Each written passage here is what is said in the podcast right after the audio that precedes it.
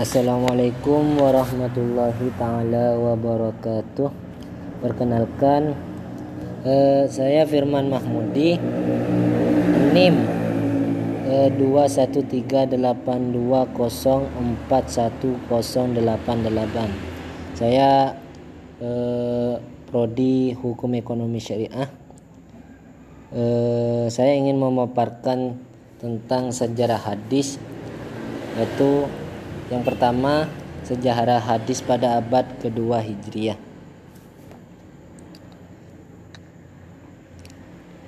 Hadis ke abad 2 Hijriah di mana menurut Asbi As-Siddiqi ini termasuk kategori asru kitab Sa'id Tadwin, masa penulisan dan masa pengkodifikasian. Ada beberapa faktor ada beberapa faktor kenapa hadis pada masa ini ingin dibukukan yaitu ada lima faktor yang pertama eh, faktor karena sudah hilangnya kekhawatiran bercampurnya hadis dan Al-Quran yang terjadi pada masa awal lahirnya Islam terkait dengan problematika kemunculan hadis yang sudah dipaparkan sebelumnya. E, faktor kedua yaitu kekhawatiran lenyapnya hadis karena banyaknya sahabat yang sudah lanjut usia atau mengikuti, mengikuti perang sehingga meninggal dunia. Faktor ketiga terjadinya terjadi pemalsuan hadis. E, terjadi pemal, pemalsuan hadis ini semakin merajalela yang dilatar belakangi oleh faktor politik dan perbedaan mazhab. Terus faktor keempat yaitu semakin luasnya Islam karena Islam sudah meluas sampai ke negeri sampai ke luar negeri Arab. E, faktor kelima keinginan pengetahuan mereka pada pandangan-pandangan Islam sangat kuat. Jadi Eh, kesimpulan dari di atas ada lima faktor yaitu terus pemakarsa yang memerintahkan pengkodifikasian adalah Umar bin Abdul Aziz. Sebelumnya adalah orang tuanya Abdul Aziz bin Marwan yang melakukan itu. Hanya saja posisi posisi beliau tidak strategis Akhirnya beliau mengalihkan gerakan ini kepada putranya Umar Abdul Aziz yang eh, yang saat itu menjadi khalifah karena posisi politiknya itu strategis.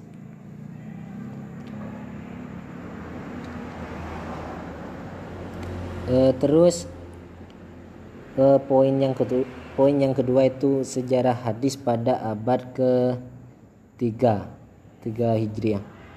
Pada abad ketiga masa ini disebut masa pemurnian, pensohihan, penyempurnaan. Periode ini berlangsung pada pemerintahan Al-Ma'mun sampai awal pemerintahan Al-Muqtadir Abbasiyah. Pada masa ini masih berlanjut pemalsuan hadis yang motifnya sama, yaitu politik mencari pengikut dan adanya para pendukung dan dari pendiri atau tidak melakukan hal itu. Itu poin kedua. Lanjut dari poin ketiga itu sejarah hadis pada abad keempat Hijriah. Abad keempat disebut masa pemeliharaan atau penertiban e, penertiban ini dimulai pada awal 4 Hijriah sampai 656 Hijriah. Yang terakhir sejarah hadis pada abad ke-7 Hijriah.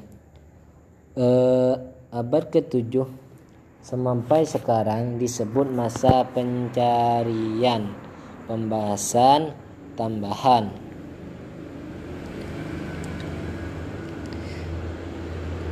dan ini dimulai pada khalifah hingga dianjurkan tentara-tentara pada tahun 656 Hijriah.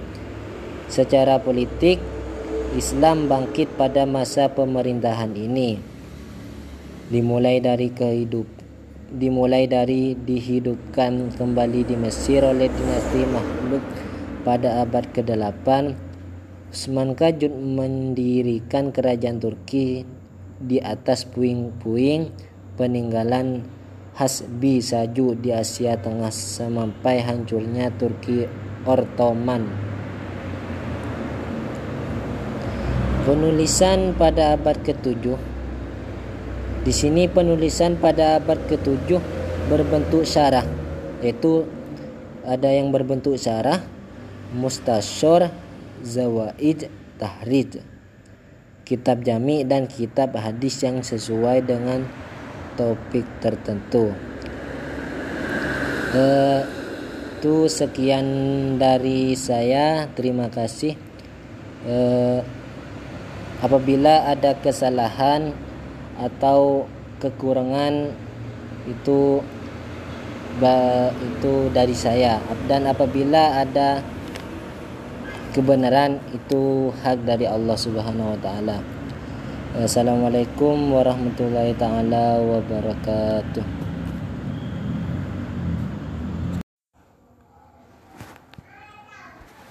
Assalamualaikum warahmatullahi taala wabarakatuh. E, nama saya Firman Mahmudi, saya dari prodi Hukum Ekonomi Syariah. E, kelas saya kelas C. E, baik, kita e, saya langsung memulai e, soal dan jawabannya. E, yang pertama, apa itu ilmu hadis? Jawabannya eh, secara definitif ilmu hadis adalah ilmu yang membahas tentang bagaimana hadis-hadis bisa tersambung sampai ke Rasulullah Sallallahu Alaihi Wasallam. Eh, dan ilmu hadis adalah ilmu ten tentang untuk mempelajari kaidah-kaidah yang yang berkaitan dengan periwayat atau suatu yang diriwayatkan.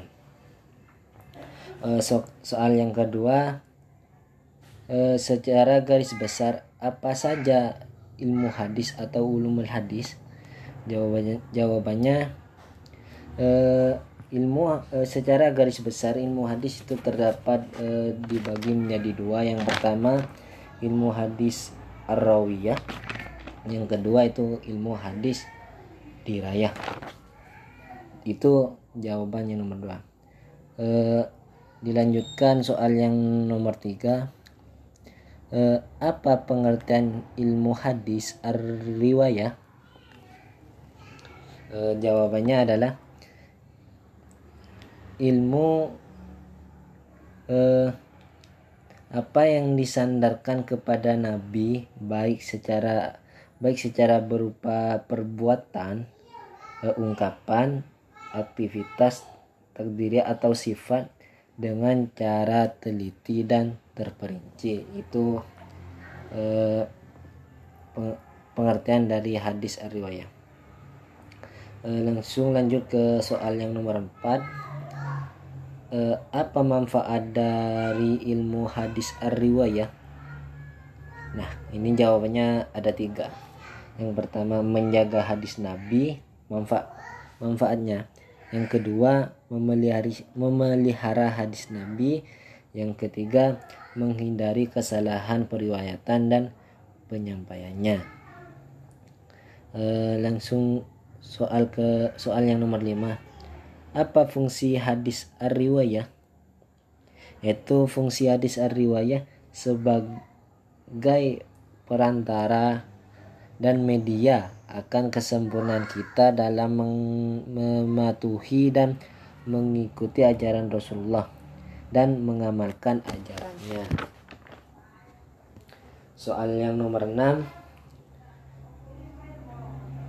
meliputi cara apa saja objek kajian ilmu hadis ar-rawiyah e, yaitu jawabnya meliputi dua cara. Yang cara yang pertama yaitu cara periwayatan. Yakni cara penerima penerimaan dan penyampaian hadis dari seorang perawi kepada perawi lain. Itu cara yang pertama. Cara yang kedua cara pemeliharaan yakni penghafalan penulisan dan pembukuan hadis. Eh, soal yang nomor tujuh. Apa pengertian ilmu hadis diraya? Eh, jawabannya itu ilmu yang berfungsi untuk mengetahui hakikat sebuah riwayat, persyaratan macam-macam hukum dan situasi kondisi yang berkaitan hal-hal periwayatan. Eh, soal yang kedelapan apa saja pokok-pokok e, bahasan nakal as-sanad yaitu ada empat e, pokok-pokok pembahasan yaitu yang pertama atihal as-sanad atau persum, persambungan sanad yang kedua fikot as-sanad dan yang ketiga sads yakni kejanggalan yang terdapat atau bersumber dari sanad. 4. Ilat ilat e, yakni cacat yang tersembunyi pada suatu hadis yang e, kelihatannya baik atau sempurna. E, soal yang ke, sembilan siapa ulama yang mula-mula meriwayatkan hadis-hadis garib e, jawabannya adalah yakni Abu Ubaid Al-Qasim bin Salam yaitu pada abad kedua Hijriah. E, soal yang ke-10 atau yang terakhir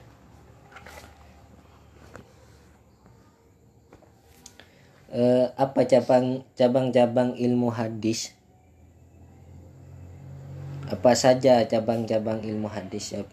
yaitu yang pertama ilmu rijal al hadis uh, yaitu ilmu ilmu rijal al hadis ilmu yang membahas para rawi hadis baik dari kalangan sahabat tabiin maupun dari generasi-generasi sesudahnya. Yang kedua ilmu ah al jar wa at-taqdil.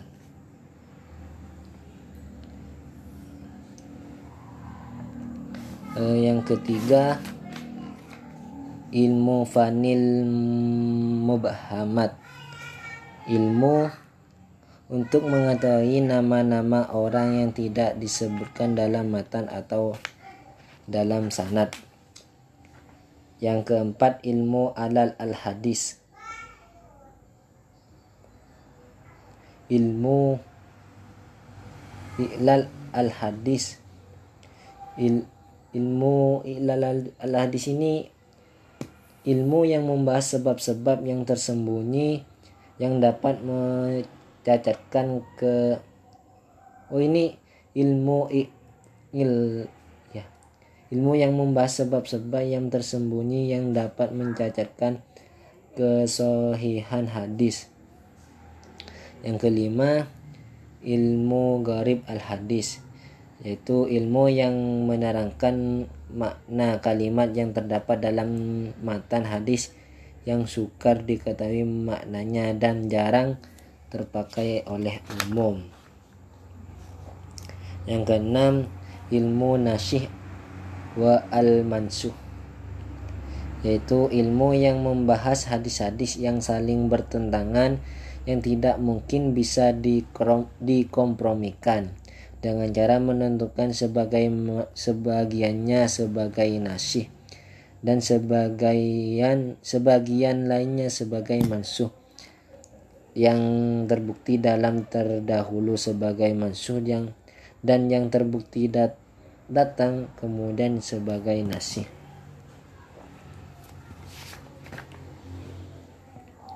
yang ketujuh ilmu talfik al hadis yaitu ilmu yang membahas cara mengumpulkan hadis-hadis yang berlawanan lahirnya. Yang kedelapan itu ilmu tasih wa ataf tahrif yaitu ilmu yang membahas sebab-sebab yang tersembunyi tidak nyata yang tersembunyi atau tidak nyata yang dapat mencacatkan hadis. Yang kesembilan itu ilmu asbab al-wurud al-hadis. E, ilmu yang menerangkan sebab-sebab Nabi Shallallahu Alaihi Wasallam menunturkan sabdanya dan masa-masanya Nabi Shallallahu Alaihi Wasallam. Eh, yang ke sepuluh ilmu muhtah muhtalah ahli hadis yaitu ilmu yang menerangkan pengertian-pengertian atau istilah-istilah yang dipakai oleh ahli-ahli hadis. Nah, eh, itu yang sepuluh itu eh, itu termasuk cabang-cabang ilmu hadis. Eh, sekian dari eh, saya apabila ada kesalahan atau tutur kata yang salah atau kurang atau kurang sopan eh, mohon maaf. Eh, Assalamualaikum warahmatullahi taala wabarakatuh. Assalamualaikum warahmatullahi taala wabarakatuh. E, Nama saya Firman Mahmudi Saya dari Prodi Hukum Ekonomi Syariah. E, Kelas saya kelas C. E, Baik kita e, saya langsung memulai uh, soal dan jawabannya. Uh, yang pertama, apa itu ilmu hadis? Jawabannya uh, secara definitif ilmu hadis adalah ilmu yang membahas tentang bagaimana hadis-hadis bisa tersambung sampai ke Rasulullah Sallallahu Alaihi Wasallam. dan ilmu hadis adalah ilmu ten tentang untuk mempelajari kaidah-kaidah yang yang berkaitan dengan periwayat atau suatu yang diriwayatkan. E, so, soal yang kedua, e, secara garis besar apa saja ilmu hadis atau ulumul hadis? Jawabannya, jawabannya e, ilmu e, secara garis besar ilmu hadis itu terdapat e, dibagi menjadi dua. Yang pertama ilmu hadis ar-rawiyah. Yang kedua itu ilmu hadis dirayah. Itu jawabannya nomor dua. E, dilanjutkan soal yang nomor tiga. E, apa pengertian ilmu hadis ar-riwayah?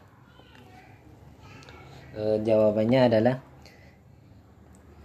ilmu eh, apa yang disandarkan kepada nabi baik secara baik secara berupa perbuatan eh, ungkapan aktivitas terdiri atau sifat dengan cara teliti dan terperinci. Itu eh, pengertian dari hadis riwayah eh, langsung lanjut ke soal yang nomor 4 eh, apa manfaat dari ilmu hadis ar-riwayah? Nah, ini jawabannya ada tiga. Yang pertama menjaga hadis Nabi, manfaat manfaatnya. Yang kedua memelihara memelihara hadis Nabi. Yang ketiga menghindari kesalahan periwayatan dan penyampaiannya. E, langsung soal ke soal yang nomor 5 apa fungsi hadis ar-riwayah? Yaitu fungsi hadis ar-riwayah sebagai perantara dan media akan kesempurnaan kita dalam mematuhi dan mengikuti ajaran Rasulullah dan mengamalkan ajarannya. Soal yang nomor 6 meliputi cara apa saja objek kajian ilmu hadis ar-rawiyah? E, yaitu jawabannya meliputi dua cara. Yang cara yang pertama yaitu cara periwayatan. Yakni cara penerima penerimaan dan penyampaian hadis dari seorang perawi kepada perawi lain. Itu cara yang pertama. Cara yang kedua cara pemeliharaan yakni penghafalan penulisan dan pembukuan hadis. Eh, soal yang nomor tujuh. Apa pengertian ilmu hadis diraya? Eh, jawabannya itu ilmu yang berfungsi untuk mengetahui hakikat sebuah riwayat, persyaratan macam-macam hukum dan situasi kondisi yang berkaitan hal-hal periwayatan. Eh, soal yang kedelapan apa saja pokok-pokok e, bahasan nakal as-sanad yaitu ada empat e, pokok-pokok pembahasan yaitu yang pertama attihal as-sanad atau persum, persambungan sanad yang kedua fikot as-sanad dan yang ketiga sads yakni kejanggalan yang terdapat atau bersumber dari sanad. 4. Ilat ilat e, yakni cacat yang tersembunyi pada suatu hadis yang e, kelihatannya baik atau sempurna.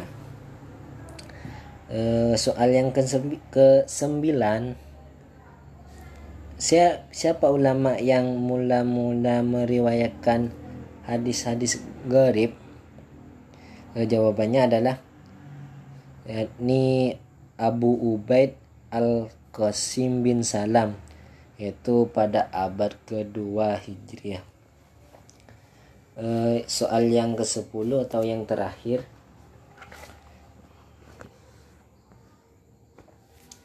e, apa cabang cabang-cabang ilmu hadis? Apa saja cabang-cabang ilmu hadis? Ya, yaitu yang pertama ilmu rijal al hadis uh, yaitu ilmu ilmu rijal al hadis ilmu yang membahas para rawi hadis baik dari kalangan sahabat tabiin maupun dari generasi-generasi sesudahnya.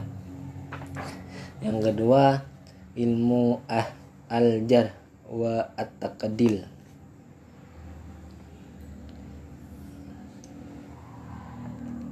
Uh, yang ketiga ilmu fanil mubhamat ilmu untuk mengetahui nama-nama orang yang tidak disebutkan dalam matan atau dalam sanad.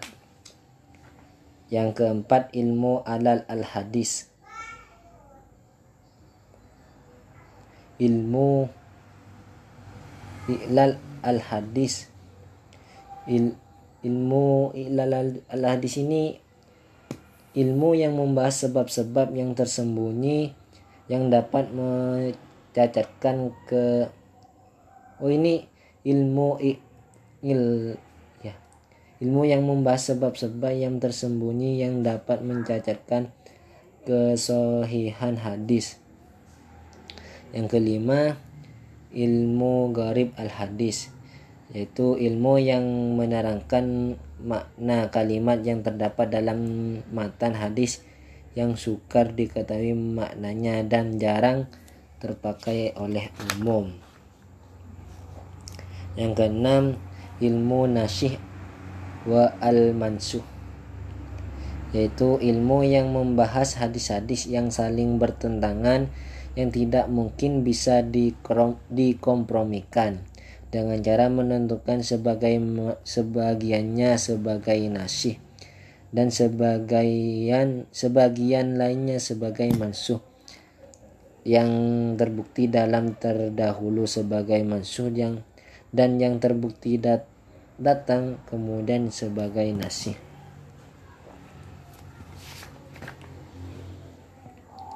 yang ketujuh ilmu talfik al-hadis yaitu ilmu yang membahas cara mengumpulkan hadis-hadis yang berlawanan lahirnya. Yang kedelapan itu ilmu tasih wa ataf tahrif yaitu ilmu yang membahas sebab-sebab yang tersembunyi tidak nyata yang tersembunyi atau tidak nyata yang dapat mencacatkan hadis. Yang kesembilan itu ilmu asbab al-wurud al-hadis. E, ilmu yang menerangkan sebab-sebab Nabi Shallallahu Alaihi Wasallam menunturkan sabdanya dan masa-masanya Nabi Shallallahu Alaihi Wasallam. E, yang ke sepuluh ilmu muhtah muhtalah ahli hadis yaitu ilmu yang menerangkan pengertian-pengertian atau istilah-istilah yang dipakai oleh ahli-ahli hadis. Nah, eh, itu yang sepuluh itu eh, itu termasuk cabang-cabang ilmu hadis. Eh, sekian dari eh, saya apabila ada kesalahan atau tutur kata yang salah atau kurang atau kurang sopan eh, mohon maaf eh, Assalamualaikum warahmatullahi taala wabarakatuh Assalamualaikum warahmatullahi taala wabarakatuh. E, nama saya Firman Mahmudi, saya dari prodi Hukum Ekonomi Syariah. E, kelas saya kelas C. E, baik, kita e, saya langsung memulai e, soal dan jawabannya. E, yang pertama, apa itu ilmu hadis? Jawabannya eh, secara definitif ilmu hadis adalah ilmu yang membahas tentang bagaimana hadis-hadis bisa tersambung sampai ke Rasulullah Sallallahu Alaihi Wasallam. Eh, dan ilmu hadis adalah ilmu ten tentang untuk mempelajari kaidah-kaidah yang yang berkaitan dengan periwayat atau suatu yang diriwayatkan. Uh, so soal yang kedua uh, secara garis besar apa saja ilmu hadis atau ulumul hadis? Jawabannya jawabannya uh, ilmu uh, secara garis besar ilmu hadis itu terdapat uh, dibagi menjadi dua. Yang pertama ilmu hadis ar-rawiyah. Yang kedua itu ilmu hadis dirayah. Itu jawabannya nomor dua. Uh, dilanjutkan soal yang nomor tiga. Eh, apa pengertian ilmu hadis ar-riwayah? Jawabannya adalah ilmu eh, apa yang disandarkan kepada nabi baik secara baik secara berupa perbuatan eh, ungkapan aktivitas takdiriyah atau sifat dengan cara teliti dan terperinci. Itu eh, pengertian dari hadis riwayah eh, langsung lanjut ke soal yang nomor 4 eh, apa manfaat dari ilmu hadis riwayah nah ini jawabannya ada tiga. Yang pertama menjaga hadis nabi manfaat manfaatnya. Yang kedua memelihara, memelihara hadis Nabi. Yang ketiga menghindari kesalahan periwayatan dan penyampaiannya. E, langsung soal ke soal yang nomor 5 apa fungsi hadis ar-riwayah yaitu fungsi hadis ar-riwayah sebagai perantara dan media akan kesempurnaan kita dalam mematuhi dan mengikuti ajaran Rasulullah. dan mengamalkan ajarannya. Soal yang nomor 6 meliputi cara apa saja objek kajian ilmu hadis ar-rawiyah? E, yaitu jawabnya meliputi dua cara. Yang cara yang pertama yaitu cara periwayatan. Yakni cara penerima penerimaan dan penyampaian hadis dari seorang perawi kepada perawi lain. Itu cara yang pertama. Cara yang kedua cara pemeliharaan pemeliharaan yakni penghafalan, penulisan dan pembukuan hadis. E, soal yang nomor 7. Apa pengertian ilmu hadis diraya? Eh, jawabannya itu ilmu yang berfungsi untuk mengetahui hakikat sebuah riwayat persyaratan macam-macam hukum dan situasi kondisi yang berkaitan hal-hal periwayatan. Uh, soal yang kedelapan, apa saja pokok-pokok uh, bahasan nakal as-sanad yaitu ada empat uh, pokok-pokok pembahasan yaitu yang pertama attihal as-sanad atau persum, persambungan sanad. Yang kedua fikot as-sanad. Dan yang ketiga sads yakni kejanggalan yang terdapat atau bersumber dari sanad. Empat ilat ilat e, yakni cacat yang tersembunyi pada suatu hadis yang eh, kelihatannya baik atau sempurna. Eh, soal yang ke sembilan siapa ulama yang mula-mula meriwayatkan hadis-hadis garib? Eh, jawabannya adalah yakni Abu Ubaid Al-Qasim bin Salam yaitu pada abad kedua Hijriah eh, soal yang ke-10 atau yang terakhir?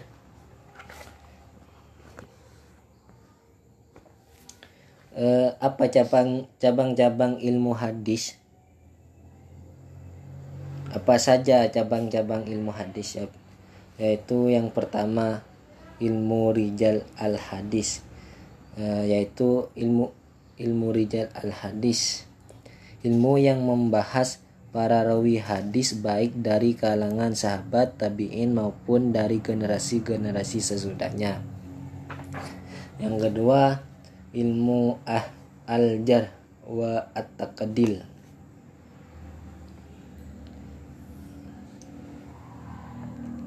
Eh, yang ketiga, ilmu fanil mubhamat. Ilmu untuk mengetahui nama-nama orang yang tidak disebutkan dalam matan atau dalam sanad. Yang keempat ilmu alal al-hadis. Ilmu ilal al-hadis. Il, ilmu ilal al-hadis ini ilmu yang membahas sebab-sebab yang tersembunyi yang dapat cacatkan ke oh ini ilmu il ya.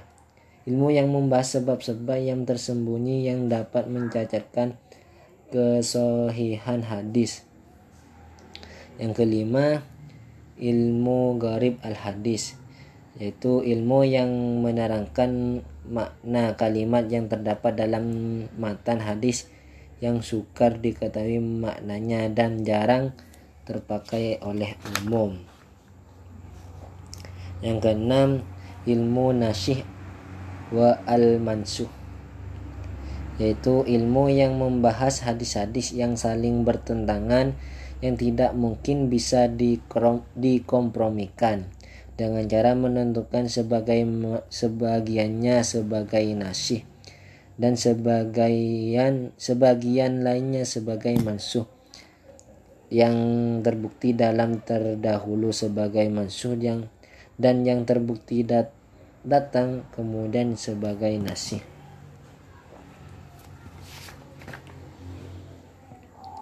Yang ketujuh ilmu talfik al-hadis yaitu ilmu yang membahas cara mengumpulkan hadis-hadis yang berlawanan lahirnya. Yang kedelapan itu ilmu tasih wa ataf tahrif yaitu ilmu yang membahas sebab-sebab yang tersembunyi tidak nyata. Yang tersembunyi atau tidak nyata yang dapat mencacatkan hadis. Yang kesembilan itu ilmu asbab alurut al hadis e, ilmu yang menerangkan sebab-sebab Nabi Shallallahu Alaihi Wasallam menunturkan sabdanya dan masa-masanya Nabi Shallallahu Alaihi Wasallam. Eh, yang ke sepuluh ilmu muhtah muhtalah ahli hadis yaitu ilmu yang menerangkan pengertian-pengertian atau istilah-istilah yang dipakai oleh ahli-ahli hadis. Nah, eh, itu yang 10 itu eh, itu termasuk cabang-cabang ilmu hadis. Eh, sekian dari eh, saya apabila ada